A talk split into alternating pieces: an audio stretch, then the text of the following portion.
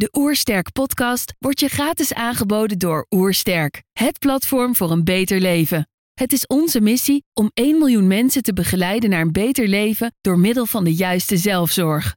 Wil je weten hoe jij kunt werken aan een beter leven? Ga dan naar www.oersterk.nu slash gezondheidscheck voor onze gratis gezondheidscheck en krijg direct jouw uitslag met persoonlijk advies.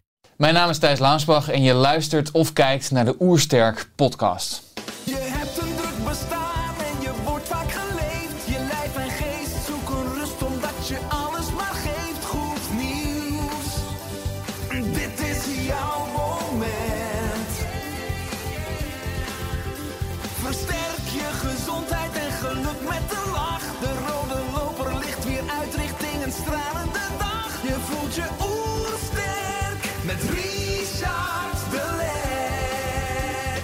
Zijn hier in Heemskerk voor een podcast met Thijs Launsbach.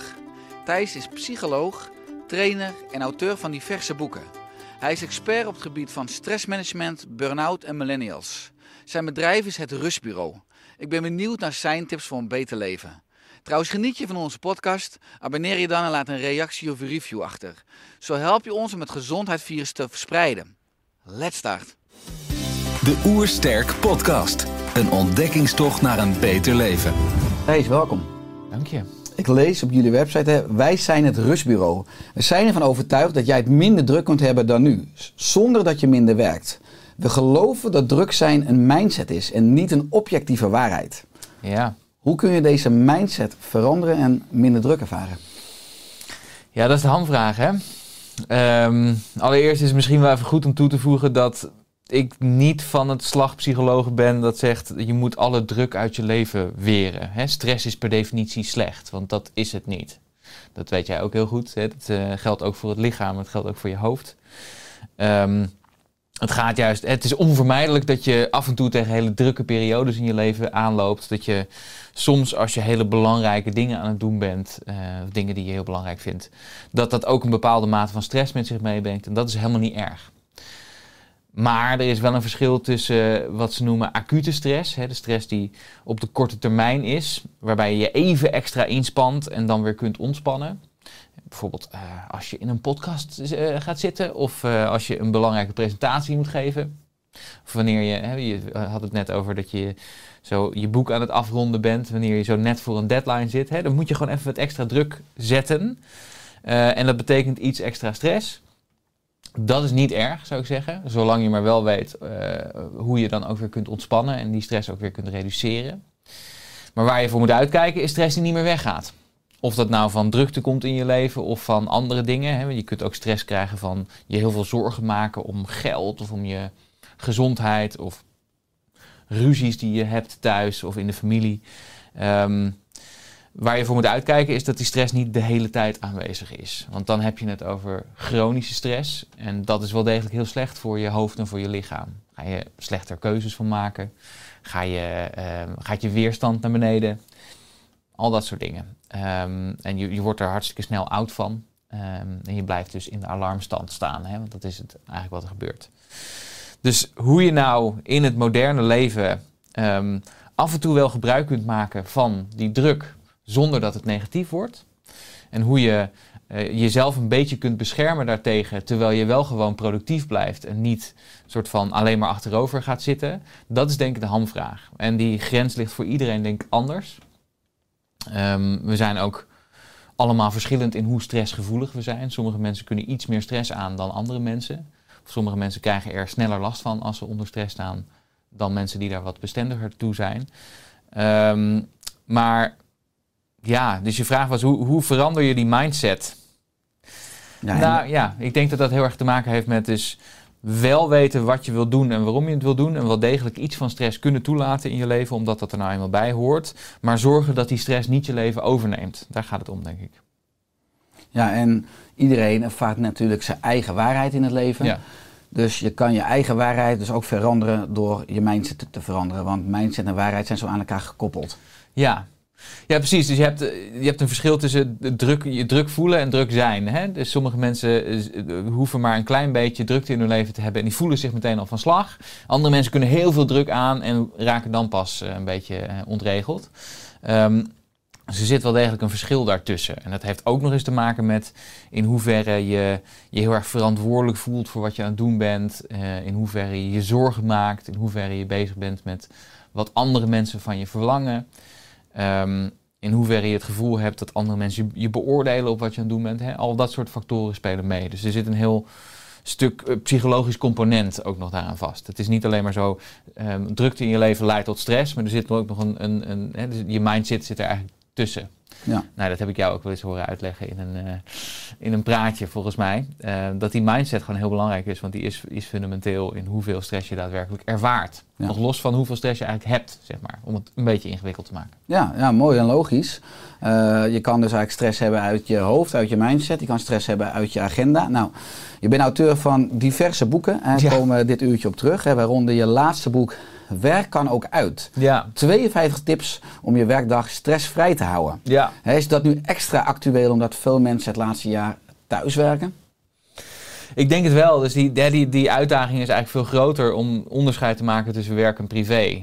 Kijk, voor het hele, in, de- in het, in het BC-tijdperk, het before corona-tijdperk, ehm, was dit al een lastig punt. Hè? Want waar het misschien, laten we zeggen, 50 jaar geleden heel normaal was dat je inderdaad wel naar kantoor ging en dat je daar heel hard werkte, maar dan op een gegeven moment de deur ook weer dicht trok en naar huis kon en dan vrij was van werk. Die situatie was al veranderd. Want we hebben nu allemaal apparaten om ons heen waarmee we ook nog eens met werk geconfronteerd kunnen worden op het moment dat we thuis zitten. Dat was toen al een probleem. Hè? Dus, eh, je krijgt ook. ehm, nou, dat, dat, dat kan heel lastig zijn, omdat mensen die, die een heel groot verantwoordelijkheidsgevoel hebben, dan eigenlijk altijd aan blijven staan. Ehm, dus dat is, nou, het is niet, niet zo heel gek dat er ook meer gepleit wordt voor bijvoorbeeld iets als het recht op onbereikbaarheid. Hè? Dat je af en toe het recht moet hebben om niet je telefoon hoeven op te nemen als je baas belt, zeg maar. Dus dat was toen al een uitdaging, maar nu is die uitdaging nog alleen maar groter geworden, omdat, nou ja, laten we zeggen, het twee derde van de werkende mensen nu in plaats van op kantoor ook helemaal thuis werkt. Wat betekent dat je die plek die je normaal gesproken associeert met je vrije tijd en met vrij kunnen zijn en met andere dingen dan werk, daar komt nu ook werk bij kijken. En dan wordt het ook wel heel moeilijk voor je hoofd en voor ook je onbewuste geest om die twee nog uit elkaar te houden, zeg maar. Zeker als je dat doet op dezelfde plek als waar je eh, normaal gesproken ook je vrije tijd viert. Dus die uit, ik denk dat dat nog een grotere uitdaging is geworden om onderscheid te maken tussen werk en privé, terwijl je beide dus thuis doet. Er zijn wel wat methodes voor die je daarvoor kunt, eh, kunt hanteren, maar je moet daar echt wel een beetje je best voor doen. En je, je kunt dat onderscheid bijvoorbeeld nog extra maken door, door echt een, een dedicated werkplekje te maken hè, in je huis. Dus nou, misschien hebben eh, sommige van de kijkers slash luisteraars wel eh, een, een extra kamer die ze daarvoor kunnen gebruiken, maar zeker niet iedereen. Want je kan ook creatief zijn met de mogelijkheden die er wel zijn. Dus je kunt bijvoorbeeld... Ehm, ik heb ook wel eens ergens waar ik dan onderweg aan het werken was, op, het, op een sabbatical die ik had eerder dit jaar, ehm, eh, van, van een soort strijkplank heb ik mijn bureau gemaakt. Zodat ik niet op diezelfde plek dan ook nog mijn andere dingen zou doen. Ehm, of als je dan toch aan de eetkamer eh, eh, tafel moet werken, doe dat dan op een plek waar je normaal gesproken niet zit. Hè, terwijl je aan het eten bent, zodat je die twee toch nog uit elkaar houdt. Een ander ding dat je kan doen is echt een soort van Ehm, eh, je werkdag starten en eindigen met een soort ritueeltje, hè, waardoor het ook nog eens nog extra duidelijk wordt. We weten ook uit onderzoek dat als jij thuis werkt en je trekt daarvoor wel speciaal je werkkleren aan, dan kom je sneller in de werkmodus. Ehm, als je een bepaald ritueeltje hebt aan het begin van je werkdag, bijvoorbeeld even een bepaald nummer draaien of een kop koffie drinken uit dezelfde mok, hè, dat soort typische ritueeltjes, dat maakt ook voor je onbewuste duidelijk van hé, hey, we gaan nu weer starten. En aan de andere kant van je werkdag ook. Dus het, het werkt ook heel goed om, ehm, op, als het dan vijf uur is en je had je voorgenomen om dan te stoppen met werken, gewoon even naar buiten te gaan, een rondje te wandelen, je vrije tijdskleding uit, eh, aan te trekken. ehm, eh, of een brain dump te doen. Die heb ik van Mark Tichelaar geleerd. Een brain dump is je schrijft gewoon alle open eindjes die je nog hebt van je werk, schrijf je allemaal op. Zodat ze op papier staan, dan kan je ze uit je hoofd laten. En dan weet je de volgende dag precies weer waar je moet beginnen. Dus je moet denk ik wel, je kunt het wel opvangen met wat slimme trucjes, maar het risico is dat je dus zozeer nog aan het werk bent, omdat je dat toch al thuis aan het doen was, dat je eigenlijk ook nog de hele avond met werk in je hoofd doorbrengt, zeg maar. En dat is niet per se heel verstandig. Ja, nou, het is fijn dat je deze trucjes zelf aangeeft, omdat er niet veel werkgevers zijn per definitie die het meegeven aan hun werknemers. Dus je moet zelf op zoek eh, gaan. Nou, Ja. antwoorden vind je onder andere gelukkig dan in de Oester podcast. Maar in de inleiding van, eh, van dit boek Ja. schrijf je dat je zelf ook een stressjunkie bent. En Ja. dat je het heerlijk vindt om van plek naar plek te rennen. Zijn jouw boeken dus ook deels het antwoord op je eigen zoektocht naar rust en balans? Ja, absoluut. Eh, Kijk, je verdiept je niet in stress als je daar niet enigszins ook zelf ervaring mee hebt. Eh, nou denk ik dat ik daar niet de enige in ben, omdat dat eigenlijk iets is dat, laten we zeggen, nou ik kan er, ik, ik kan er geen harde cijfers op plakken, maar schatting 95% van de mensen wel ervaring mee heeft hè, met die zoektocht in stress. Ehm, er is een, een klein select groepje dat eigenlijk nooit helemaal dat gevoel van stress helemaal niet herkent. Uh, maar dat is echt een kleine uh, minderheid. Dus net als heel veel mensen heb ik ook zelf te maken met stress in mijn leven. En ik ben ook nog eens ondernemer. Vind ook nog eens mijn werk super interessant. Doe vaak grote dingen en belangrijke dingen. En heb dan de neiging om af en toe eens een keertje mezelf te vergeten. Um, ik heb het nooit tot een burn-out geschopt. Maar ik heb wel degelijk nog steeds um, uh, ook wel met die overweging te maken. Um, dus ja, nee, het, is, het is deels zelftherapie, zou je kunnen zeggen, om mm -hmm. dit soort boeken te schrijven. Ik denk wel dat ik nu ik daar al een paar jaar aan werk, um, uh, dat ik wel heel erg gevoelig ben voor wanneer ik zelf in, een, in, wat mijn eigen stresssignalen zijn en voor wanneer ik zelf in het rood zit eigenlijk. Dus dat ik dat redelijk snel weet te signaleren en dan ook weet wat ik moet doen om terug te draaien, hè, om weer, om, om weer dat, die stress te reduceren. Um, maar dat het, dat het nog steeds iets is dat me in ieder geval wekelijks nog een keertje overkomt, dat is wel duidelijk, ja. Ja, ja mooi, want je noemt een burn-out en je noemt je eigen stresssignalen. Ja. Nou, als je kijkt naar stress, hè, steeds meer mensen, namelijk 1,3 miljoen mensen in 2019, ja. waaronder een groot deel hè, in de groep van 25 tot 35-jarigen, millennials, daar zal ik zo nog even op terugkomen, ja. en die ervaren burn-out klachten. De vraag die toen bij me opkwam is, sluit de moderne omgeving nog wel aan op ons hoofd en op ons evolutionaire ontwerp? Ja. Supergoeie vraag. En ik denk, ik denk het niet, inderdaad. En ik denk dat dat ook wel is waar, uh, waar wij beide wel, het punt waar wij beide voor staan, jij meer vanuit de medische kant en ik misschien meer vanuit de psychologische mm -hmm. kant, is we, we leven eigenlijk tamelijk onnatuurlijke levens.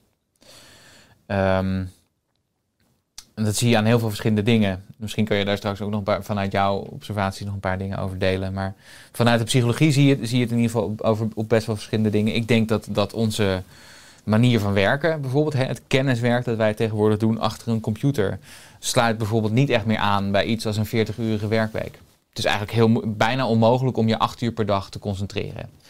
Dus je concentreert je eigenlijk misschien maar vier uur per dag. En de rest zit je een beetje soort van half te werken. En daar is eigenlijk niemand bij gebaat. Dus dat is denk ik een voorbe voorbeeld hiervan. Maar ik denk ook, en dat is wat minder waar de, waar de boeken waar ik nu mee bezig ben, de boeken die ik nu heb uitgegeven over gaan. En daar gaat mijn volgende boek meer over. Die gaat meer over mentale gezondheid in het algemeen. Nou, volgens mij kunnen we daar flink over doorbomen. Bo bomen. Mm -hmm. um, maar ook daarin is toch steeds meer mijn conclusie dat we levens aan het leiden zijn die niet echt in overeenstemming zijn met hoe we werken en waar we eigenlijk behoefte aan hebben. Dus neem iets als social media bijvoorbeeld. Het feit dat gemiddeld gezien uh, een gemiddelde gebruiker van, van Instagram, Facebook, TikTok, noem het maar op, uh, inmiddels al bijna aan de 2,5 uur per dag doorbrengt op, zo'n, uh, op die platforms. Per dag dus. Um, ja, dat zegt, dat, dat, dat, we zijn niet gemaakt om de hele tijd achter zo'n schermpje te zitten. Ook niet als dat ons heel veel erkenning en gevoel geeft. Wat het overigens niet doet, want we worden er eigenlijk alleen maar ongelukkiger van, maar dat hebben we zelf niet door. En het is super verslavend. Dus dat zou ik zeggen is een van die voorbeelden. Daar worden we echt een beetje gehackt door hele grote bedrijven die ons hoofd gebruiken voor hun eigen financiële gewin, zeg maar. Uh, dus dat is één voorbeeld. Uh, ik zou zeggen, we zijn ook niet echt gemaakt als mens om ons zozeer te isoleren van andere mensen. He, dus de eenzaamheid is groter dan ooit. We hebben het idee dat we het wel alleen kunnen rooien en vooral ook alleen moeten rooien. En voor een groot deel van onze sociale interactie of onze sociale fix zijn we, um, he, zonderen we ons af en doen we dat ook weer online. Um, er is heel veel uh, emotionele en sociale eenzaamheid momenteel. Uh, die ook gewoon hoort bij alleen maar in het leven willen staan als individu. En niet zoveel oog hebben voor wie er dan om je heen staat. Als mens, ja. Als mens, ja precies. Dus dat, dat is denk ik een hele belangrijke. We zijn ook niet echt gemaakt om ons de hele tijd te vergelijken met honderdduizend anderen die het allemaal beter doen dan wij. Die, eh, die meer succes hebben en ehm, waarvan we alleen vooral de mooie blinkende buitenkant zien, zeg maar. Worden we ook niet echt gelukkiger van als we de hele tijd onszelf aan het, aan het refereren zijn daaraan. Ehm, of aan het, aan het vergelijken zijn daarmee. Eh, dus allemaal, allemaal voorbeelden. We zijn ook niet echt gemaakt voor het voeren van debatten de hele tijd. In plaats van dat we echt van gedachten wisselen. Ehm, en je kunt niet echt een goed gesprek hebben in 140 tekens, zeg maar. Kan gewoon niet. Of in een soundbite van een paar minuten aan een, aan een talkshowtafel. Lukt gewoon niet. Ehm, er zijn allemaal voorbeelden van hoe we volgens mij toch echt ook een beetje van onze. Ja, je moet altijd een beetje oppassen met de, dus je de, de, de naturalistische bias, is dat. Hè? De- dat is gewoon zo'n zo'n eh, zo'n denkfout, zeg maar, dat alles dat natuurlijk is per definitie goed is. Zo is het natuurlijk ook weer niet. Maar ik kan me toch niet aan de indruk onttrekken dat we, dat we een leven aan het leiden zijn dat zo ver afstaat van wat, we eigenlijk, wat ons eigenlijk gelukkig maakt en sterk maakt en goed maakt als mens, dat we dat aan allerlei dingen gaan merken. Ja. Ja, ja, ik denk dat we daarin helemaal op één lijn eh, liggen. Ik zeg natuurlijk vaak, ook in mijn boeken, dat onze genen geen bal meer grijpen van de moderne omgeving. We hebben Stone Age genen in een science fiction omgeving. Als je het inderdaad hebt over die eh, moderne werkomgeving, waar we acht uur naar een schermpje kijken, dat het vaak ook leidt tot aanmaak van stresshormoon, het cortisol. Dat, dat zorgt voor het vrijmaken van glucose, die we normaal gesproken in de spieren opbranden. Nou, we hebben nu stress van, dat, eh, van die overvolle mailbox, dus die glucose zetten we weer af als buikvet. Eh, ook al acht uur per dag op een kantoor zitten is natuurlijk echt extreem ongezond en verstoort insuline en leptine. En dan noem ik al drie sleutelhormonen, cortisol, insuline, leptine. Dat een rode loper naar, eh, naar, naar symptomen. Eigenlijk zijn symptomen juist een hulpmiddel om weer in balans te komen, maar de geneeskunde interpreteert het anders. Eh, ook de mens als sociaal groepsdier. En ook wat je net zegt, hè, dat we ons eh, niet moeten vergelijken met anderen. Ik heb net in mijn nieuwe boek heb ik een hoofdstuk over. Letterlijk de titel Vergelijk je nooit met anderen omdat eh, dat ongezond is, of je nou tegen anderen opkijkt of voor anderen neerkijkt. Van alles wat je in de ander ziet, zit, zit ook in jou. En dat een onbalans in de perceptie, dat vind ik ook mooi hoe ik zelf steeds zie hoe de psychologie ook met de fysiologie verbonden is. Dat iedere onbalans in de perceptie of in de psychologie ook leidt tot een onbalans in de fysiologie. Die moet je eens uitleggen. Dus een- iedere onbalans in de perceptie leidt tot een Ja. onbalans in de fysiologie. Ja, Kun je, kun je daar nog een dus als je het hebt bijvoorbeeld als je tegen iemand eh, opkijkt, eh, Ja. dan ben je eh, bewust van iets wat je in de ander ziet, maar onbewust dat het deel ook in jou zit. Maar ook als je het hebt over emoties als trots of schaamte of schuld, hè, wat natuurlijk altijd emoties zijn in de vergelijking met anderen. Ja. Of als je op anderen neerkijkt, kijkt, dan ben je dus bewust van nou, iets in de ander waar je het niet maakt. Ben je onbewust dat het deel ook in jou zit. Want eigenlijk alle gedragseigenschappen hebben we ook in bepaalde domeinen van ons leven. Hè? Als je Ja. kijkt naar die zeven gebieden van het leven. Dus dat eh, heel veel symptomen, waar ik eigenlijk ook vastliep op een gegeven moment in mijn praktijk voor integrale geneeskunde. Als je het alleen maar aanvliegt vanuit eh, bijna de fysiologie van hoe een spier werkt of hoe een lever werkt. En hoe je daar met kruiden of supplementen of met leefstijl op in kan werken. Bijna alles, het lichaam is van God een gecondenseerde geest. Ja. Dus als je uiteindelijk die, als die regeltjes in het hoofd niet kloppen, als mensen nou ja, negatief zelfvertrouwen, zelfbeeld, als mensen dus onbalans hebben in de perceptie hoe ze de wereld eh, waarnemen, ook in die sociale vergelijkingen, dan leidt het bijna altijd tot eh, fy- fysiologische symptomen als hulpmiddel om je te laten weten dat je perceptie uit balans is. Ja. Eh, ik heb hier enorm veel mogen leren van John De Martini. Moet je misschien eens opzoeken, Mhm. dat echt een Amerikaan. Echt geniaal hoe hij het web van het leven en ook die koppeling tussen de psychologie en de fysiologie heeft gemaakt. En ik ben een paar nou, jaar bij hem in seminars geweest, Amerika, Engeland, waar hij dit allemaal eh, uitpluist. Hoe, die, Mhm. hoe die psychologie met die fysiologie verbonden is. Ja, dus die zitten gewoon onherroepelijk aan elkaar vast. Ja. Maar dat heb ik ook eh, Bjarne Tumone toen hij hier was horen, horen vertellen. Hè? Dat die leven, bijvoorbeeld je levensstijl en je mind, hè, de- hoe je je voelt, je gemoedstoestand, die, die, die, die hebben ongelooflijk veel met elkaar te maken.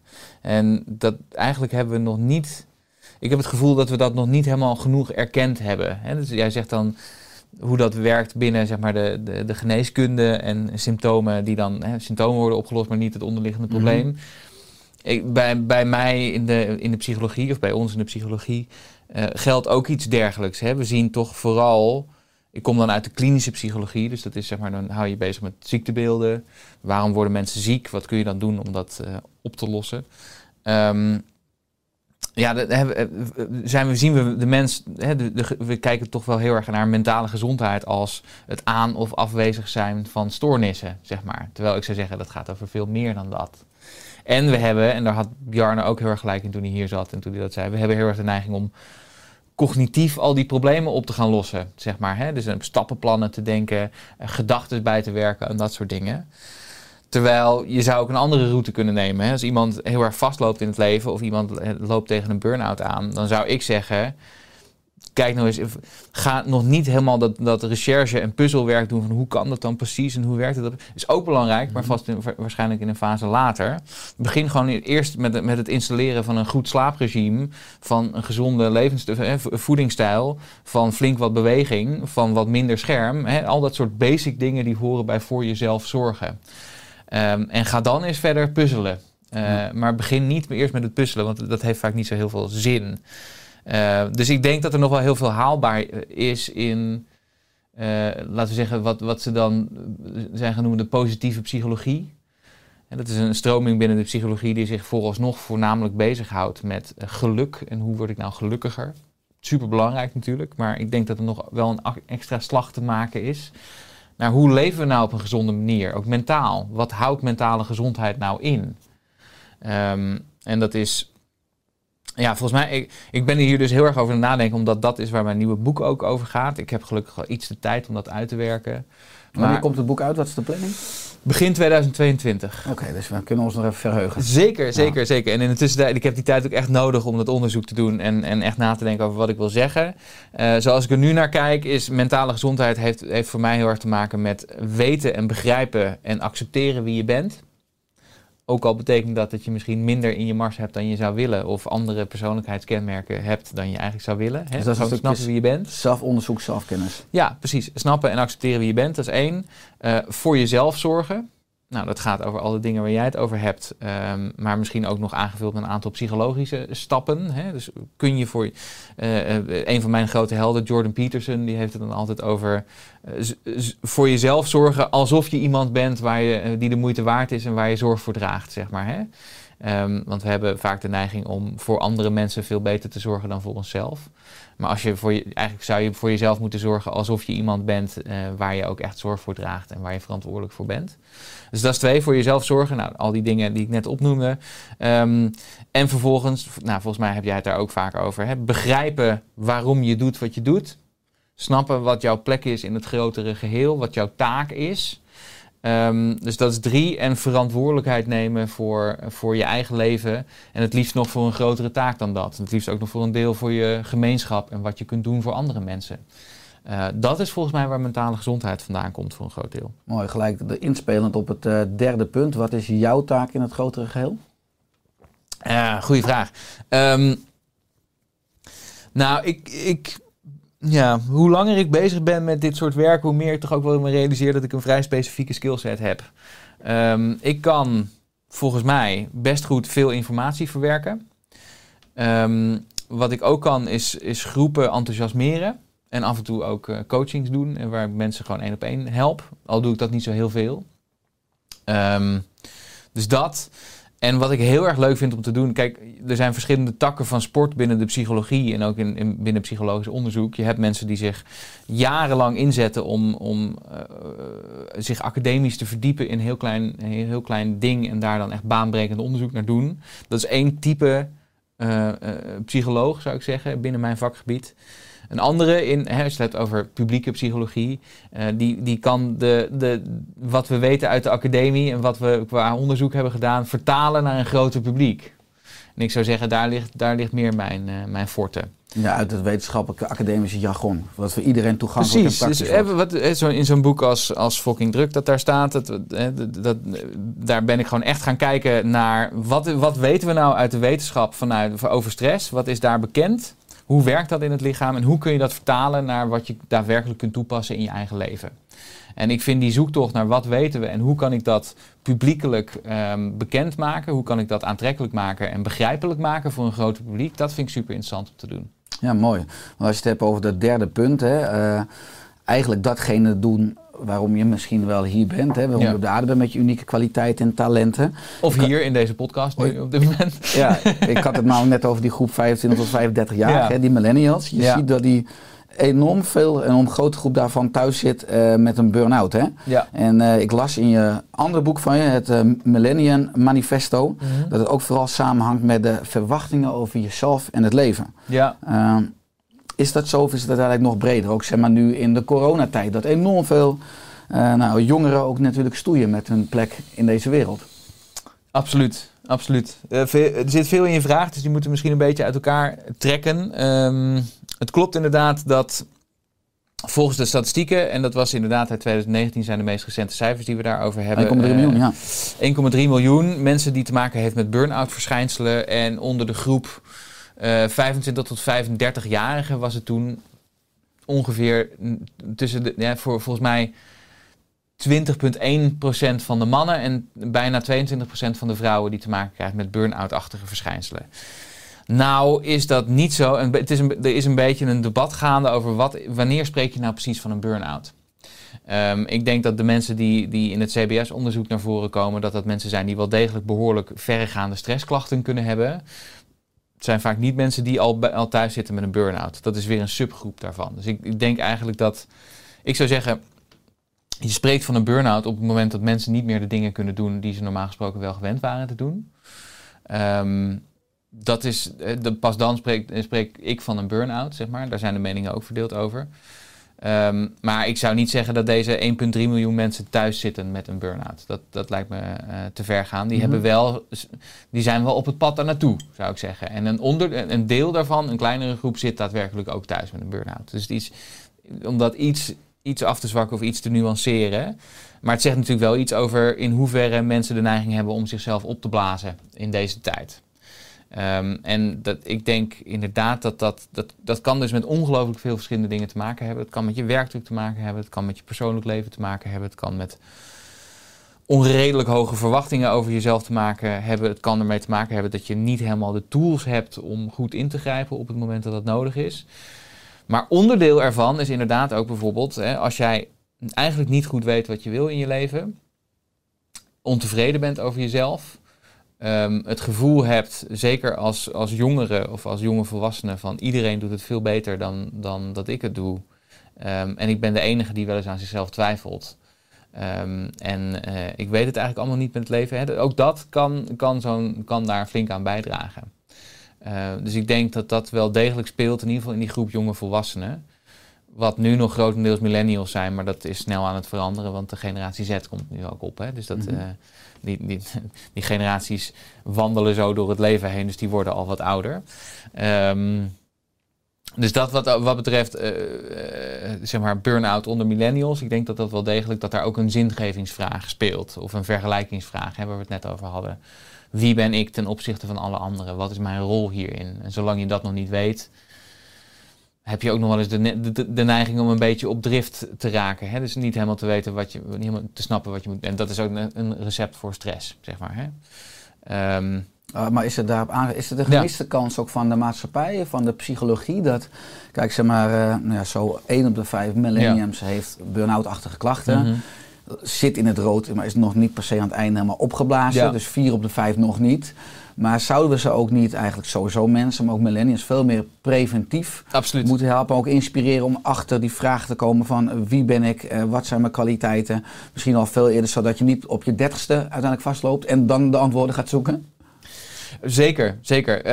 Um, ook weer daar zijn wel een paar dingen over te zeggen. En ik wil straks ook nog iets zeggen over die coronatijd. Want die is, wel, is ook nog wel interessant. Ga door, ik laat je doen, maar, uh. Nee, dat geeft, dat geeft niet. Dat geeft niet. Maar dan, dat we hem niet vergeten. Want ja, ik vind goed. dat een heel interessant. Onderwerp. Ja. Want ik denk dat, dat de, de mentale gezondheidsklachten momenteel nog veel erger zijn... dan ze misschien een paar jaar geleden nog waren toen ik dit boek schreef. Mm -hmm. um, maar goed, daarover zo. Is het een gemiste kans? Ja, zeker. Um, nog, wil ik wel nog een paar dingen over zeggen... Kijk, het is, we weten sowieso, ook historisch gezien, dat, die, dat deze fase in het leven van de mens, wanneer je, laten we zeggen, tussen de 20 en de 30 bent, sowieso een hectische fase is. Want je gaat studeren, want je studeert net af en gaat je eerste baan doen, want je hebt misschien een, voor het eerst een serieuze relatie, of gaat, gaat een huis kopen, of krijgt een gezin, hè, krijgt kinderen, of zijn allemaal hectische dingen. Dus het is sowieso al een, een, een wat, wat hectischer onderdeel van het leven dan, dan de andere onderdelen, zou ik zeggen. Puur en alleen al vanwege alle nieuwigheid. Dat is nu niet anders. Eh, wat ook niet anders is, is dat je in, eh, op het moment dat je in deze tijd, in die leeftijd zit, ben je gewoon ook nog heel erg bezig met de vraag: wat wil ik eigenlijk in, in het leven? En dat kun je nog niet helemaal van tevoren weten vaak. Eh, Tenminste, er zijn wel mensen die, die meteen al vanaf het begin weten: dit wil ik doen met mijn leven. Maar dat zijn eigenlijk hè, dat zijn de uitzonderingen en dat is niet de norm. Het is vaak ook nog een beetje experimenteren en aanklooien en veranderen. En nou ja, neem, neem jezelf als voorbeeld. Hè? Dus je denkt, nou, ik, mijn missie wordt, eh, wordt, de, wordt de medische wetenschap of hè, ik, word, ik word arts. En dan toch kom je erachter, nee, ik wil toch iets anders doen. Want dat past meer bij mij. Dat hoort heel erg bij die fase. En ik denk ook niet dat, het, dat je kan verwachten van die groep dat ze meteen al helemaal precies weten wat ze willen in het leven. Ehm, dat betekent natuurlijk niet dat je nu niet meer aandacht aan moet besteden. Eh, de andere kant van wat je zegt is ook heel erg waar. Ik denk dat er pre- preventief best een hoop meer kan. Al is het simpelweg snappen hoe je stresssysteem werkt, bijvoorbeeld. Hè? En wat jouw alarmsignalen zijn, waar jij op moet letten, wat jouw triggers zijn voor stress en wat, jij- wat voor jou goed werkt op het moment dat er, dat er sprake is van spanning, om die spanning weer naar beneden te brengen. Het is eigenlijk van de zotte dat, dat we dat pas beginnen te leren bij mensen op het moment dat ze al een burn-out hebben, want dat is gewoon veel te laat. Dus dat zou ik zeggen, zou echt basiskennis moeten zijn. Op school al of op het begin van een, van een opleiding. Dat zouden we eigenlijk moeten weten. En natuurlijk is het ook. Ik snap ook wel eh, het- andere onderdeel van wat je zegt hoor. Van, misschien moeten we voor, voor jongeren en jonge volwassenen ook steeds meer, misschien explicieter bezig zijn met de vraag: wat wil je nou eigenlijk precies? Wat zou je willen leren? Nog los van het curriculum dat wij hebben opgesteld in een opleiding bijvoorbeeld. Hè? Nog los van de eisen die, een, die de maatschappij stelt aan de beroepsgroep waar jij misschien bij wil horen. Ehm, is, eh, is dat idee van meer persoonlijke aandacht voor, de, voor deze groep. Meer nadenken over wat je zelf wil. Ehm, boeken lezen. eh, ervaringen opdoen die je nog niet, eh, nog niet had opgedaan. Hè? Dat, is, dat is gewoon super belangrijk in die groep. Dus er kan wel degelijk. Ja, ik kan me voorstellen dat je. Dat gebeurt ook al op, op, op universiteiten en op opleidingen hoor. Ehm, dat je dus naast het reguliere opleidingsprogramma ook een soort beelddoensprogramma hebt. Hè, waarin je gewoon wat breder naar gaat kijken naar wat, wat is mijn moreel kompas? Wat wil ik eigenlijk doen in het leven? Welke stappen wil ik graag zetten? Wat vind ik belangrijk? Ehm, dat, dat doe je eigenlijk sowieso al in die fase van je, van je leven, maar het zou nog explicieter kunnen en we zouden er meer over kunnen praten zodat we onze referentiekader van daadwerkelijk gesprekken met mensen hebben. In plaats van al die fucking imago's van mensen op social media, zeg maar. Ik denk dat dat heel gezond zou zijn. Dus ehm, De real story. Het echte verhaal. de real story, ja, ja, precies. Ja, fictieve, ja. ja. Ja. Dus ik denk wel degelijk dat meer aandacht voor in ieder geval hoe stress werkt. Hè, dus de, wat, je, wat je zou kunnen doen tegenover belasting. Simpelweg dat eh, zou al heel erg helpen. En is heel erg nodig en belangrijk, denk ik nu. Eh, misschien ook voor vorming. Hè, dus dat we toch iets meer naar een soort beeldings, beelddoensmodel moeten van, van opleiden. Dat, eh, daar zou ik niet, zeker niet tegen zijn. Ehm, maar dat je, nog een dat je in deze levens... dat daarbij hoort dat je nog een beetje aan het vlierenfluiten bent... en dat je misschien met alle winden mee, eh, meewaait... en dan hier is een baantje hebt en daar is een baantje hebt... en dan toch weer van koers verandert. Dat hoort er juist ook heel erg bij, zou ik zeggen. En je zou nog terugkomen op de Oh, ja, mentale ja, gezondheid ja. in de coronatijd. Dus voel je om daar nog wat over toe te Ja, en, en spring zelf ook in, hè? want jij hebt daar Ja, natuurlijk leuk, ook weer ja. je eigen, eh, je eigen specialisme in. Ja, ik, ik maak me daar dus best wel zorgen over. En ik denk dat dat... Kijk, we nemen dit nu op eind maart 2021, waarin voor de zoveelste keer de lockdown is verlengd. Ehm, zonder dat er eigenlijk een duidelijk perspectief wordt gesteld. En we zitten nu in een vreemde situatie dat er eigenlijk voor heel veel groepen in de maatschappij eh, best wel weer wat mogelijk is. Ik geloof zelfs eh, eh, ouderen die in een verpleeghuis wonen en gevaccineerd zijn, die mogen nu twee bezoekers per dag krijgen. Of die mogen hebben. Die, daar is wat ruimer voor. Eh, kinderen mogen weer naar school, hè, de- naar, de, naar de basisschool. Ehm, eh, eh, pubers mogen weer best wel voor een groot deel naar de middelbare school. En sporten buiten. Sporten buiten mag allemaal. Werkende mensen mogen dat ook nog best wel prima gewoon op kantoor doen. Maar die groep jongeren die mag eigenlijk helemaal niks. Terwijl zij nou net in een fase van hun leven zitten waarin ze juist bezig, zijn met, bezig zouden moeten zijn met de wereld ontdekken. Met verbindingen aangaan met andere mensen. Met gesprekken voeren met elkaar. Met, eh, met mensen die ze nog niet kennen. Eh, al dat soort sociale vaardigheden zouden moeten ontwikkelen. En die, tegen die mensen zeggen we, weet je wat jij gaat doen? Jij gaat nog even een paar maanden thuis achter een computerscherm zitten. Ga je een beetje colleges volgen en zo. Vind je wel leuk, toch? Eh, dus daar kan ik me wel boos over maken. Want ik denk dat dat heel veel problemen gaat opleveren. En je ziet het al. Je ziet mensen somberder worden. Je ziet mensen angstiger worden. Je ziet mensen eh, zich meer terugtrekken. ehm, eh, zich eenzamer voelen. Al dat soort dingen zie je nu gewoon echt gebeuren. Dus ik denk dat we, dat we daar... Ja, dit, het duurt nog een tijdje voordat deze online gaat, geloof ik. Maar ik denk misschien tegen de tijd dat deze online komt... of nog een paar maanden daarna... gaan we ons echt voor de kop slaan van... hoe hebben we dat kunnen doen met deze groep? Komt dat ook omdat er geen holistische psychologie-expert in het OMT zit? Ja, ik denk dat ik denk dat, dat, wel, eh, dat, dat, wel mees, dat dat wel meespeelt. Dat er geen psychologen en gedragsdeskundigen in zitten. En niemand die opkomt voor die belangen. Maar goed, ze hebben een hele specifieke, nauwe opdracht natuurlijk. Maar het is wel duidelijk dat daar totaal eigenlijk niet de belangen worden meegewogen van deze groep mensen. Of überhaupt de psychologische impact van die coronaregels. Ehm, en ik, ik begin me daar steeds meer zorgen over te maken. Hè. Ik snap dat er dingen gedaan moeten worden om een acuut virus in te dammen. En om een acuut gevaar voor, een, laten we eerlijk zijn, een tamelijk specifieke groep in de samenleving terug te dringen. Ehm, ik denk dat er te weinig wordt meegewogen wat de schadelijke effecten zijn van dit soort maatregelen. En zeker zolang dit soort maatregelen. Eh, maar goed, volgens mij hebben we daar. De, de- misschien kun jij ook een duit in het zakje doen vanuit, jouw eh, van jou, vanuit jouw expertise. Op de huidige tijd, Ja, de coronatijd. Nou, ik vind dat we natuurlijk bijna alle maatregelen eh, zich inzoomen op veiligheid van buitenaf. En dat we natuurlijk een enorm gemiste kans, zeker vanaf maart 2020, dat we totaal niets gedaan hebben met weerbaarheid van binnenuit. En zeker bij de gezonde populatie, maar ook natuurlijk de drie risicogroepen, eh, obese mensen, mensen met onderliggend lijden, wat al 10 miljoen Ja. mensen zijn met een chronische ziekte. En ook oudere mensen, wat natuurlijk fysiologisch is dat de immuunrespons zwakker is. Want het coronavirus is eigenlijk geen pro- probleem, maar de doorgeschoten immuunreactie. Maar als we daar gewoon met leefstijl of eventueel met de juiste supplementen eh, helemaal op in waren gaan zetten, dan hadden we nu al helemaal misschien geen lockdown moeten hebben. Maar ik hoor iedereen maar zeggen, ja Richard, dit is een illusie en dit is een utopie. Want we zijn al natuurlijk decennia bezig om overgewicht terug te dringen en dat lukt niet. En misschien hebben die mensen ook wel gelijk, maar in mijn ideale droomwereld, en ook natuurlijk de boodschap die ik verkondig met hoe sterk, eh, en ook de miljarden die vrijgemaakt zijn aan steunpakketten, nou in ieder geval eh, allerlei kanten op, maar niet naar de oorzaak van de, de oorzaak en uiteindelijk de vitaliteitscrisis in de fysiologie en in de psychologie. Als je het hebt over leefstijl en denkstijl, laten we daar ook in investeren in ieder geval naast de huidige maatregelen. Dat vind ik een enorm gemiste kans. Absoluut. En eh, vanuit fysiologisch en, en, en, en fysiek opzicht, maar ook vanuit mentaal opzicht, Ja. zeker. En het is, eh, ja, het, het kan ik me dan zo aan ergeren. Deze week, ja, mensen moeten dat maar gewoon terug, eh, terugkijken wanneer ze, wanneer, hè, over een paar maanden online komt. Maar deze week kwam Diederik Gommers met de boodschap, ja, mensen moeten toch ook wel wat meer naar buiten. En, want dat is gezond. Dan denk ik, ja, dat, Oké, maar dat, jullie zeggen al twaalf maanden dat mensen voor zoveel mogelijk binnen moeten blijven. Ja. Ja, met, Natuurlijk moet je zoveel mogelijk naar buiten, want je moet bewegen. met de historische woorden, misschien was de corona-aanpak van het kabinet niet zo effectief. Ja, dan denk ik, Jezus, ik als wonder- iemand de hele tijd aan elke talkshowtafel heeft gezeten, dan ben jij het wel. Ja.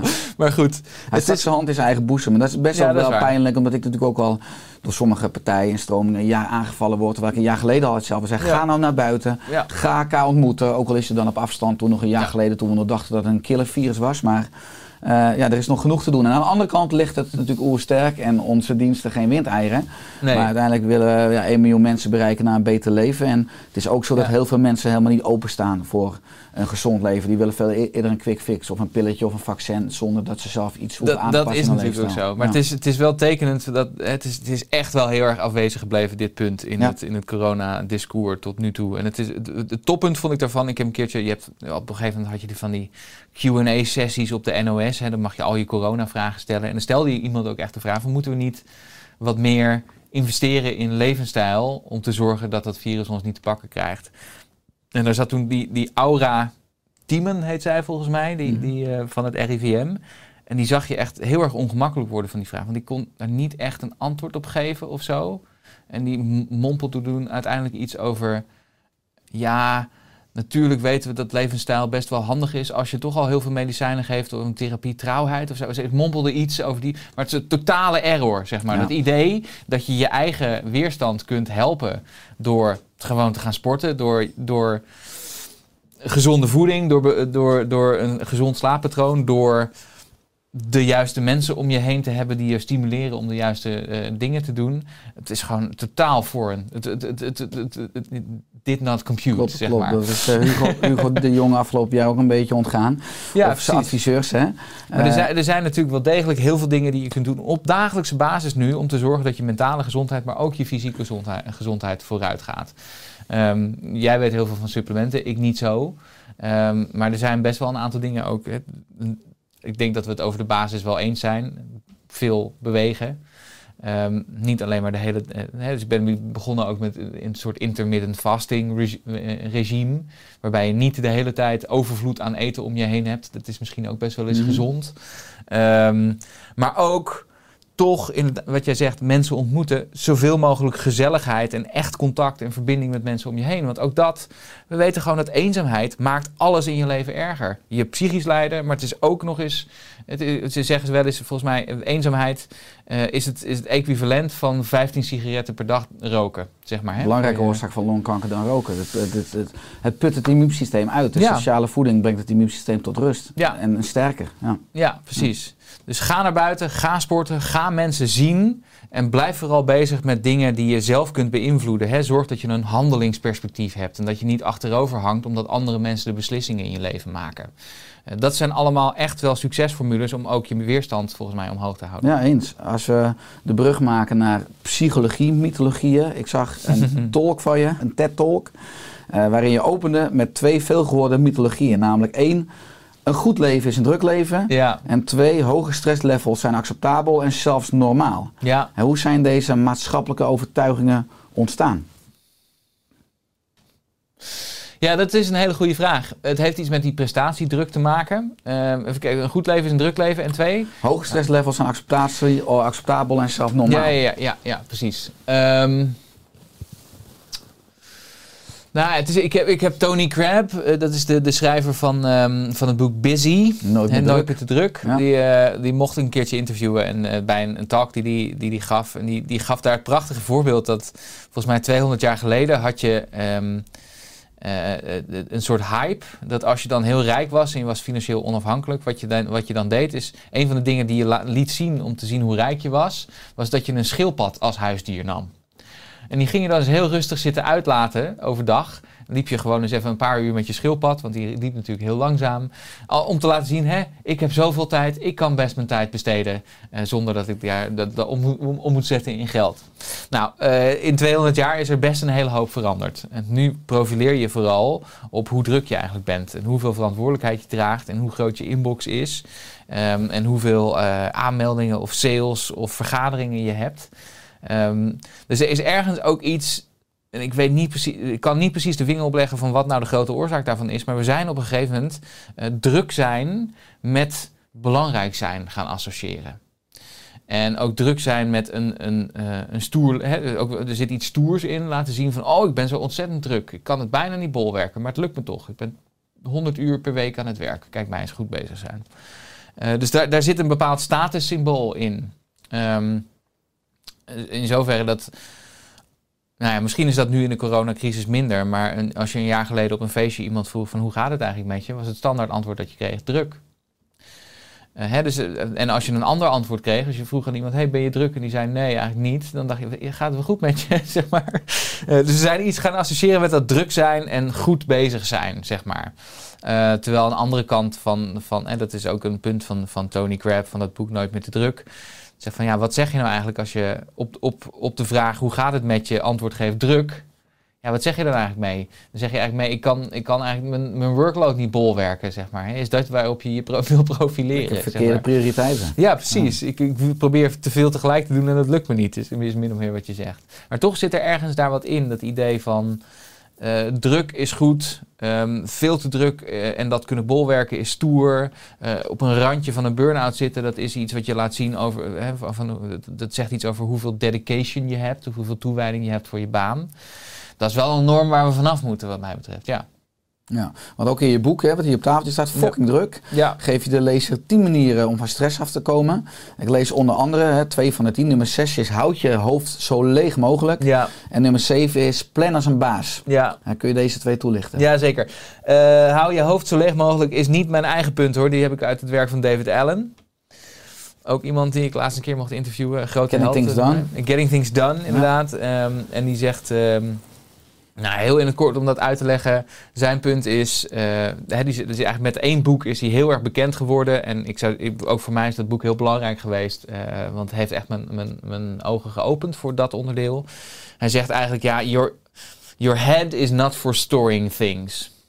Je kunt maar beter niet proberen om veel dingen tegelijk in je hoofd te bewaren. En hij zegt zelfs ook nog: Your head is a crappy office. Dus als je dingen in je hoofd probeert te bewaren, dat gaat niet zo goed. Ehm, en zijn punt is eigenlijk: wij mensen zijn gebouwd op, op heel veel verschillende dingen. Hè. Ons, ons hoofd ook. We zijn gemaakt voor het oplossen van complexe problemen, snel nadenken, creatief nadenken over dingen. Ehm, dat, dat is eh, waar ons hoofd goed in is. Maar niet om de hele tijd dingen in te bewaren. Want je werkgeheugen is niet zo groot. En, eh, en dat heb ik dan weer van Mark Tichelaar geleerd. Ehm, je hoofd telt 1, 2, 3, 4, veel. Dat is hoe je hoofd telt. Dus als je meer dan vier stukjes informatie tegelijkertijd in je hoofd bewaart, dan gaat het een beetje mis. En wat er dan gebeurt is dat je jezelf de hele tijd moet helpen herinneren aan die andere stukjes informatie. Brengt heel veel onrust in je hoofd. Ehm, dus het punt van David Allen is, als je jezelf de gewoonte aanmeet om ehm, op het moment dat er iets oppopt in je hoofd, hè, je bent ergens mee bezig ehm, en opeens denk je, ah, fuck, ik moet nog, katten, ik moet nog kattenvoer kopen. Hè? Als je zo'n gedachte binnenkrijgt, dan kun je dat maar beter meteen opschrijven. Want dan is het uit je hoofd en dan heb je het ook ergens anders opgeslagen dan op je hoofd. Je moet wel een soort systeem bedenken waarbij het dan ook weer terugkomt, zeg maar. Eh, maar als je zeker weet, als ik het opschrijf, komt het weer terug. Omdat ik het aan mezelf mail of omdat ik regelmatig naar mijn, mijn aantekeningenboekje kijk. Dan kun je dat dus ook uit je hoofd loslaten. En eh, dat, is het, dat is het doel. Wa- waarom is het goed? Omdat je dan je hoofd weer kunt gebruiken voor waar het echt voor bedoeld is. En voor mij heeft die methode wel een hele hoop ruis geschild in mijn hoofd. Eh, en daardoor, daardoor werkte die voor mij eh, werkt die nog steeds heel erg goed. Ik werk nog steeds op deze manier. Als ik iets van een ingeving binnenkrijg, of een idee, of iemand die ik nog moet mailen, of dat soort dingen, stop ik even met waar ik mee bezig ben, stuur ik mezelf een mailtje, of dan doe ik op een andere manier, ehm, waardoor ik het ook meteen ook weer los kan laten. Ehm, en dat scheelt gewoon voor de hoeveelheid onrust die je hebt in je hoofd. Dus dat is, dat is eigenlijk het idee van, van David Allen. Hij zegt zelfs, ehm, als je meer dan één keer ergens over na moet denken, kan het maar beter iets zijn dat je heel leuk vindt om over na te denken. Dat is zijn, eh, zijn idee. Dus dat over proberen je hoofd zo leeg mogelijk te houden. En ik denk dat dit ook wel speelt, vooral als je sowieso al een drukke periode hebt en dan ook nog eens mentaal die druk hebt van al die dingen die je maar niet moet vergeten. Dan wordt gewoon heel veel in je hoofd. En dat is onrustig. Dus dat is die. En de tweede was? Plan als een baas. Plan als een baas. Ja, ja ehm, ik, ben, ik heb eigenlijk redelijk vroeg in mijn carrière al een, een, een mentor gehad die mij toch wel redelijk snel ehm, plannen aanleerde. En ik zou zeggen, eh, nou ja, ehm, het is misschien ook wel omdat ik ondernemer ben en dat dat misschien nog extra belangrijk is voor mij. Maar ik denk dat dat ook geldt als je werknemer bent of als je ergens voor een baas werkt. Ehm, je moet echt kunnen plannen. En plannen als in ehm, je eigen workload verdelen.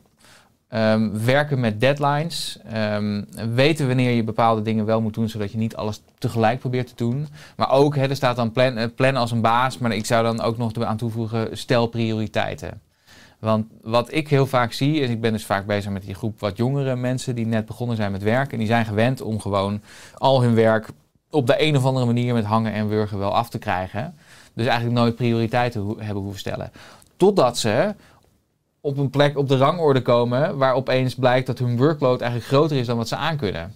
En als je dan niet kunt schiften of geen prioriteiten kunt stellen, ga je alsnog proberen alles tegelijk te doen en ben je dus eigenlijk altijd aan het werk. Dus je komt op een gegeven moment in je carrière, als het goed is, kom je op een punt dat je gewoon, ehm, hè, dat, je, dat het realiteit is dat, dat er meer te doen is dan waar je tijd voor hebt. En dan kun je twee dingen doen. Dan kun je proberen alles toch tegelijk te doen. Of een soort van alles te doen, maar dan half. Want dan krijg je het toch soort van af. Of je kunt heel goed gaan nadenken over welke dingen zijn echt het allerbelangrijkste. En vooral die doen. En ik zou zeggen, je hebt die tweede strategie toch wel echt nodig. Ja, want je had het net over dat mensen druk zijn, verwarren met belangrijk zijn. Nou, hetzelfde dat je urgente prikkels kan verwarren met belangrijke prikkels. Ik Ja. hoorde je ook zeggen van maak harde keuzes Ja, waar je je tijd en aandacht aan wilt besteden. Dat Ja. heeft een overlap met dit. Ja, ja zeker. En eh, een van de tools die ik daarin omschrijf in het boek is eh, de vraag die ik mezelf dan stel. Die ook ja, dus het, boek staat ook vol van het betere jatwerk natuurlijk. Dit is een, techniek die ik van een vriendin van mij heb geleerd die coach is. En die stelt, stelt altijd de vraag, moet ik dit nu doen? En dat klinkt eh, als een hele eenvoudige vraag, maar die bestaat eigenlijk uit vier delen. En je legt de klemtoon steeds anders. Dus de vraag is, moet ik dit nu doen? Is, het, is het een moetje of is het eh, iets dat er mooi is voor de bij? Met andere woorden, is het business critical of is het nice to have?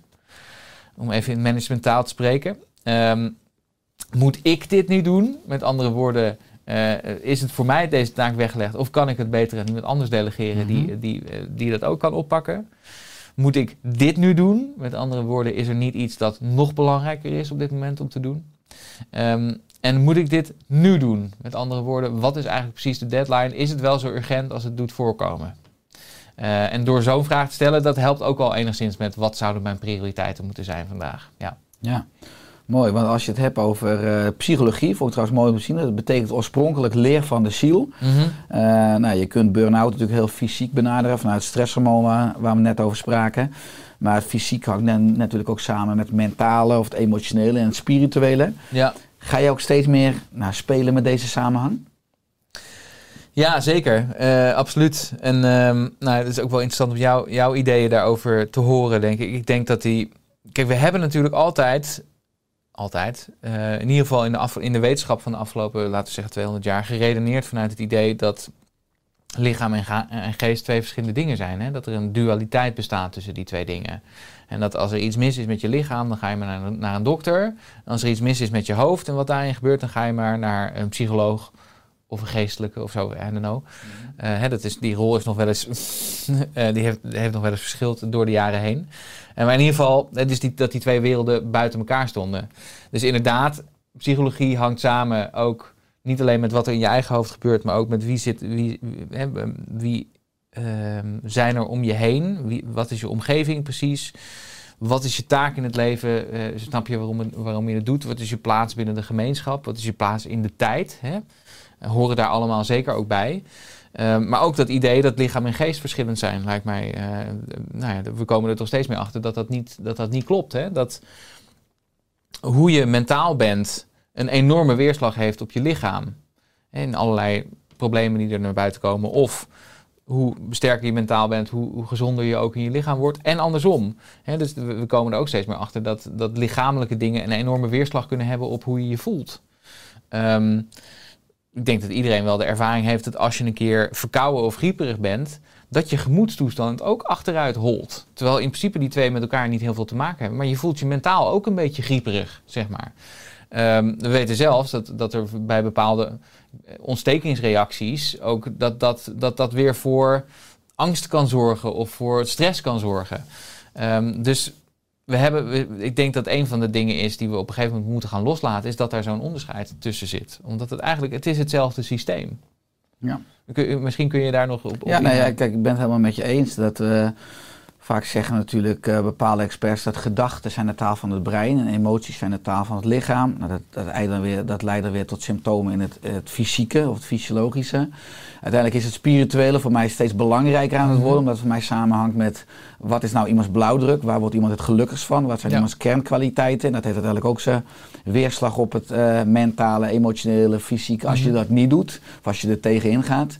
Eh, en het is heel mooi om te zien vanuit, nou, ja, weet je wel, tientallen jaren vanuit de body-mind geneeskunde, waar heel veel publicaties over zijn, waar ik soms zeg in de reguliere geneeskunde gaat het in het, het onderste la-syndroom, dat het niet past in het wereldbeeld. Mhm. Maar wat je zegt dat bijvoorbeeld eh, stofjes die eh, de hersenen aanmaken, neurotransmitters, ook door immuuncellen in het lichaam aangemaakt wordt gelijktijdig. Ja. Het bekende boek The Molecules of Emotion van Perth. Mhm. Eh, maar ook als je zegt, weet je, als je een griepreactie hebt, dat uiteindelijk bijvoorbeeld het zegt-eiwit, dat de dopamine en serotonine ook afneemt in de hersenen, waardoor je in je hoofd ook grieperig voelt. Dus Ja. dat, dat alles één is. En we hebben het willen scheiden voor de wetenschap. Ook eigenlijk op eh, de VU waar ik studeerde al een grap dat op het complex aan de ene kant stond geneeskunde, aan de andere kant komt psychologie, omdat we het uit elkaar getrokken hebben voor, voor de wetenschap. Eh, maar in werkelijkheid is het allemaal één. Dat, dat is ook eigenlijk mijn eigen ontdekkingstocht om het web van het leven en daarmee ook mezelf steeds beter te willen snappen. En, eh, en hoe meer ik me mezelf snap, hoe beter ik ben eh, om anderen te begeleiden naar heelheid of naar herstel. Ja. Of naar gezondheid en naar geluk. Hè? Als je het hebt over ook die holistische benadering, dat komt onder andere ook terug in de School of Life. Ja. Jij geeft daar ook les. Ja. Wat brengt dit jou? Ja, ik, vind- ik, ik, ik heb de School of Life altijd al een interessant merk gevonden. Ehm, het is natuurlijk ooit gestart door, door de, de Zwitsers-Britse filosoof Alain de Botton. Ja. Ehm, die eh, heel terecht, denk ik, opmerkte dat filosofie eigenlijk iets is dat voornamelijk binnen de academie zich afspeelt. Eh, en vaak gaat over grote, abstracte, logische vraagstukken. En eh, ik stel me dan altijd voor eh, professoren met een baard en een beetje morsig. Die een soort van hele abstracte discussies aan het houden zijn.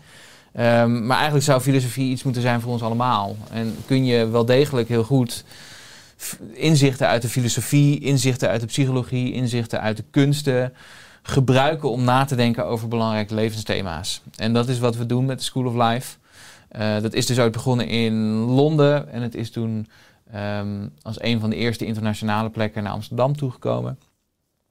Ehm, dat, dat- dat is inmiddels eh, volgens mij een jaar of nou, bijna tien jaar geleden, geloof ik. Ehm, dat ze daarmee bezig zijn. Ik ben er nu een paar jaar bij aangesloten. Ja, wat daar heel leuk is, is dat je met, met gewoon echte levensvragen aan de slag gaat. Ehm, waar eigenlijk iedereen wel zijn eigen gedachten over heeft of wel eens tegenaan loopt. Hè? Dus hoe ga ik om met mijn eigen sterfelijkheid? Ehm, hoe, hoe kan ik meer creativiteit in mijn leven toelaten? Eh, hoe maak je eh, goed ruzie met je partner bijvoorbeeld? Hè? Ehm, eh, hoe, hoe, hoe zorg ik nou dat ik. hoe, hoe kan ik de ware vinden als, als zoiets al bestaat? Zeg maar, hè? Dat soort vragen. En ik geef daar dan een les over zelfvertrouwen. Ehm, ook weer vanuit heel veel verschillende invalshoeken. Dus ik vind, ik vind juist die combinatie van filosofie en psychologie vind ik heel leuk. Ehm, en, het- en ja, weet je, er zit ook nog een andere dimensie in voor, voor mij. Is namelijk dat ik al een, best wel een lange tijd een soort eenpitter ben. Dus ik ben gewoon als ZZP'er beweeg ik mij door de wereld heen. Waarin je af en toe wel een samenwerking hebt met die. En een, een eventje doet met die en zo. Maar toch ook wel heel veel alleen doet. Ehm, en ik begon het... Ik, ik heb wel een tijdje op de universiteit gewerkt, ook- als docent. eh, waarin ik wel zo'n groep van gelijkgestemden om me heen had. Automatisch, hè, als je dat in- op zo'n afdeling werkt. In Amsterdam was het. In Amsterdam was dat. Ja. En te- daar, dat begon ik echt ook een beetje te missen. Dus eh, de School of Life is voor mij ook, naast dat ik het inhoudelijk super interessant vind, is ook een manier om me te verbinden met allemaal super interessante denkers en leuke mensen en slimme mensen die bezig zijn met dezelfde thema's die ik ook eh, interessant vind. Dus dat vind ik ook heel erg aantrekkelijk eh, eh, van. Dus dat vind ik, eh, dat hoort er, hoort er ook bij. Belangrijk, zeker. Je bent ook veelvuldig in de media geweest ook. En toch is de media natuurlijk ook een snelle, stressvolle wereld. Ja. Ehm, ook als expert op het gebied van stressmanagement en burn-out. Wat zijn je ervaringen in die mediawereld? kan je daar ook voor de camera en achter de camera soms wat van je adviezen kwijt? Want dat is daar ook hard nodig. Ehm, zeker. Ik ben, ik ben overigens niet zo van, van ongevraagd advies geven hoor. Dus ik zal niet zo heel snel me bemoeien met mensen die daar niet zelf om vragen. Maar ik word er natuurlijk wel eens naar gevraagd in een, in een programma of zo. En ja, maar ik ben, ik ben wel benieuwd waar deze vraag vandaan komt. En wat jouw ervaringen dan zijn. Maar Nou, is, eh, de vraag komt voort uit dat ik doe natuurlijk altijd uitgebreid research. Ik vertel het al een beetje voor de podcast. En ik zag ook een interview eh, bij, eh, eh, in de studio van het Algemeen Dagblad. En nou, er staan twee presentatoren aan de desk. En je stond volgens mij nog met iemand anders. Eh, en ja, dat zijn een paar minuutjes dan. En zo'n item moet snel. En ze Ja. onderbreken je constant, waardoor je niet kan uitpraten. Terwijl het geeft mij al onrust en stress als kijker als ik er naar kijk. Omdat ik niet echt daar voor mij in mijn optiek een juist ontspannen podium kreeg om de diepgang van je boodschap. Het is natuurlijk Ja. best een uitdaging, wat ik ook ervaar, Ja, om de precies. diepgang of de samenhang van ons verhaal. Je moet vaak een beetje in, in showbites eh, praten. Eh, en dat vind ik enorm uitdagend. Richard kan niet korter. Nee, ik kan niet korter, want het hangt zo samen. Maar dat, nogmaals, dat ben ik. Ja. Nou, ik vind, het, ik vind het dus een hele leuke en interessante en spannende wereld. Ik vind dat ook best wel leuk om te doen. Eh, hè, dus dus wat, wat kun je nou bewerkstelligen in een hele korte tijd, zonder dat het heel ingewikkeld wordt, maar je, waarin je toch iets van waarde kan meegeven. Soms lukt het beter dan andere keren, Mhm, dat ben ik wel mhm. met je eens. Het is ook een Ehm, spel. Het is ook een spel Ja. en voor mij, weet je, ik vind dat spel sowieso leuk. Van hoe kun je nou mensen dit soort grote thema's, kun je daar iets over meegeven, te- eh, terwijl het toch aantrekkelijk blijft om te lezen of te luisteren of te kijken. Ehm, dus dat vind ik, dat vind ik heel tof. Eh, en, maar het is, het is eh, af en toe ook een wereld waar ik met enige verbazing naar zit te kijken. De snelheid waarmee dingen moeten gedaan worden. En dan word je 's ochtends weer gebeld van... hey, kun je over een half uur op de radio iets zeggen over te laat komen? Of zo. En dan denk ik, eh, ja, is goed. Ik heb wel eens geprobeerd van... hey, kunnen jullie niet gewoon een paar dagen van tevoren bellen? Maar dat is gewoon nee. Het moet allemaal op de dag zelf. Mhm. Het moet allemaal snel. Ja. En het moet allemaal snel doordraaien. Ehm, en dat is misschien ook wel een beetje de charme ervan. En ik heb nu in ieder geval opgegeven dat ik, dat ik onder mijn eigen. Dat ik bijvoorbeeld hè, optredens in de media altijd kan, kan gaan plannen naar wat voor mij uitkomt. Dat werkt gewoon niet. Mhm. Want je moet er gewoon staan en dan moet je de andere dingen voor opzij eh, zetten. En dat is nou eenmaal het spel, zeg Ja. maar.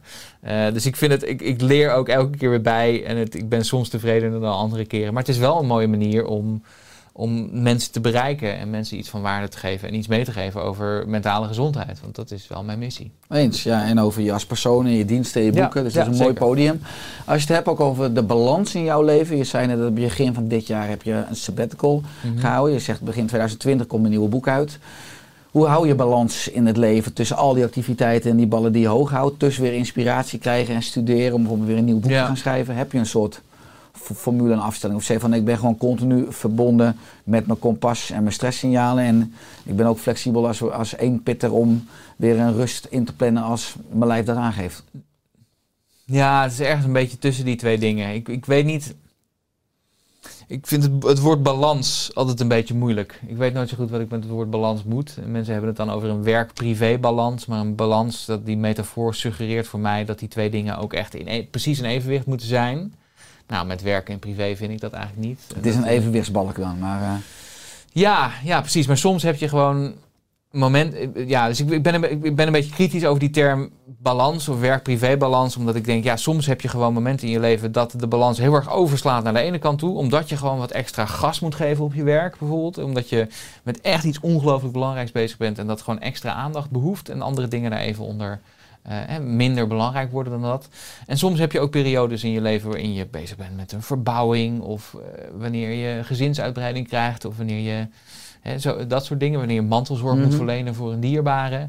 Waarin je gewoon even wat minder op werk moet doen en wat meer aandacht voor, voor daarbuiten moet hebben. Dus het idee dat het altijd precies in balans moet Ja. zijn, dat vind ik altijd. eh, be- Ja, het, Wat het is- is, wat meer is- een wipwap volgens Wat mij. is dan een beter balans. woord? Ga- Is dan misschien meer mentale en fysieke flexibiliteit? Ja, ja, precies. De flexibiliteit om, om soms voor het ene te kunnen gaan en soms voor het andere te kunnen gaan. Ehm, dat vind ik eigenlijk belangrijker. En ja, hoe dat voor mij werkt, ik heb dus eigenlijk totaal geen routine. Dat is een beetje gek aan mijn werk, maar ik heb gewoon. eh, zo werkt mijn werk nou eenmaal. Ik word veel gevraagd voor praatjes en zo. En dat is dan op een totaal willekeurig moment. En soms zijn dat er vijf per week. En soms is het eh, anderhalve week niks voordat er weer iets gebeurt. Ehm, dus ik ben eigenlijk de hele tijd dat aan het, aan het schipperen. Over het algemeen werk ik nu. ehm, ik werk gewoon vijf dagen per week. Soms ietsje meer dan dat moet ik toegeven. Soms als ik het inderdaad, als ik denk, nou, ik, eh, ik zit nu een beetje tegen mijn tax aan, probeer ik een dag vrij te nemen. Ehm, en dan ben ik ofwel bezig met lezingen die ik geef, of trainingen die ik geef, of dat soort projecten doen. En de tijd waarin ik daar niet mee bezig ben, ben ik aan het schrijven. Eh, dat is hoe ik, het nu, hoe ik het nu verdeel. En dat werkt best wel goed. En ik heb ook dit, eh, ja, de zegen en de vloek tegelijkertijd dat dat boek eigenlijk pas in begin volgend jaar moet uitkomen, dat ik daar best wat tijd voor heb. Die tijd heb ik ook echt nodig. Ehm, maar dat, dat betekent wel dat, eh, dat er soms ook weken zijn dat ik gewoon eigenlijk niet aan schrijven toekom, omdat er heel veel andere projecten zijn. Dus het wordt nooit au- automatisch de hoogste prioriteit. Ehm, dus hoe ik dat probleem ga oplossen, weet ik nog niet precies. Maar ik schip er zo een beetje tussen, tussen die dingen. Mooi. Rijkdom. Hè? Ja, Die, eh, absoluut. Ik ben een hele gezegende positie. Ik heb niet een baas die in mijn nek aan het hijgen is. eh, die wil dat ik, eh, dat ik 50 uur per week op kantoor ben. Of dat er gisteren dingen worden ingeleverd. Of dat ik dan toch mijn vakantie afzeg of zo. Nee, dat, dat, zo, zo werkt het. Dus ik heb... Ik, ik, ik- realiseer me eh, wel degelijk dat het een hele eh, eh, geprivilegeerde positie is, om het zo maar te zeggen. En dat het echt rijkdom is, ja. Ja, mooi. We zijn inmiddels alweer ruim een uurtje aan het kletsen, Thijs. Oh, echt waar? er- Oké. Is, is er aan het einde van de podcast nog iets wat je graag wilt toevoegen? Ehm, nou, ik heb het gevoel dat we, dat we over hè, dat het gesprek over mentale en fysieke gezondheid dat het nog niet af is. Dus dat we dat nog een keertje maar moeten gaan doorzetten. Altijd leuk, ja. Ehm, want er is nog genoeg over te zeggen. Wil ik nog iets toevoegen? Ehm, ja, dus mijn, mijn, mijn nieuwe boek komt dus eh, begin volgend jaar uit. Dat, dat is er nog niet. Is er al een huidige werktitel? Ehm, nee, is er ook nog niet. Oké. Tenminste, ik, heb, ik, ik had een werktitel, maar die, is, die dekt niet meer de lading. Oké. Ehm, dus daar, daar moet ik je ook... eh, maar ik kom daar graag een keer over vertellen als dat wel het, eh, het geval ja, is. leuk. Nou ja, Eh, maar er zijn natuurlijk er zijn wel een paar andere boeken die je kunt vinden. Eentje over specifiek leiding geven aan millennials. Als, dat je, als, dat je, ehm, als je daar toevallig mee, mee bezig bent. Inderdaad, fucking druk is eigenlijk mijn basiswerk over stress en burn-out. Werk kan ook uit is een iets oppervlakkiger, nou oppervlakkiger boek. Iets lichter boek zou ik zeggen. Iets praktischer boek. Iets minder theoretisch nog. Dus daar kun je uit kiezen. Eh, ik vind het ook altijd leuk als je even hallo komt zeggen op sociale media. Ehm, eh, en daar, daar post ik ook altijd mijn column die ik elke week schrijf voor het AD. Eh, dus als je dat leuk vindt, sluit je vooral aan. Leuk. Ja. En waar kunnen mensen meer informatie vinden? Wat is je website? Waar kunnen ze je boeken vinden? En, Uh, Thijslaansbach.nl. Eh, dat, dat is eh, mijn website, daar kun je het meest op te vinden. Eh, LinkedIn ben ik ook altijd vrij snel op te, op te bereiken. Ehm, tegen de tijd dat deze online gaat, hoop ik ook mijn webshop af te hebben waar mensen gewoon een directe boek kunnen bestellen. En anders kun je dat natuurlijk ook doen in, ehm, in de, eh, bij je eh, lokale eh, onafhankelijke boekhandel die het momenteel moeilijk zat hebben en wel wat extra steun in de rug kunnen bereiken. Bol.com overleeft het wel en Amazon ook. Maar de leuke boekhandel om je hoek misschien niet. Dus eh, bestel ze daar, zou ik zeggen. zeker ook belangrijke sociale, lokale voeding. Hè? We moeten goed voor elkaar zorgen. Die, die communities hebben we echt, echt nodig. En die, daar, we gaan straks echt nog wel ehm, voor onze kiezer krijgen dat die totaal zijn afgekalfd in deze maatschappij. Dus eh, dat soort plekken, plekken waar je even binnen kunt lopen, waarin je even niet onderdeel bent van een win- winkelketen, maar echt even met andere mensen een gesprekje kunt voeren. Zo ontzettend belangrijk en ze gaan zo snel verdwijnen. Dus support die shit, zou ik zeggen. Eens, mooi man. Thanks voor je komst in de Graag podcast. gedaan. En eh, mijn boek komt eind dit jaar uit. Jouw boek begint 2022, dus we hebben genoeg te bespreken. Zeker. En laten we samen bouwen aan een wereld met eh, enorm veel mentale en fysieke flexibiliteit. En de combinatie tussen twee, die twee dingen, want daar is nog te weinig over bekend. Ja, leuk om hier te zijn en eh, bedankt voor dit gesprek. Thanks man.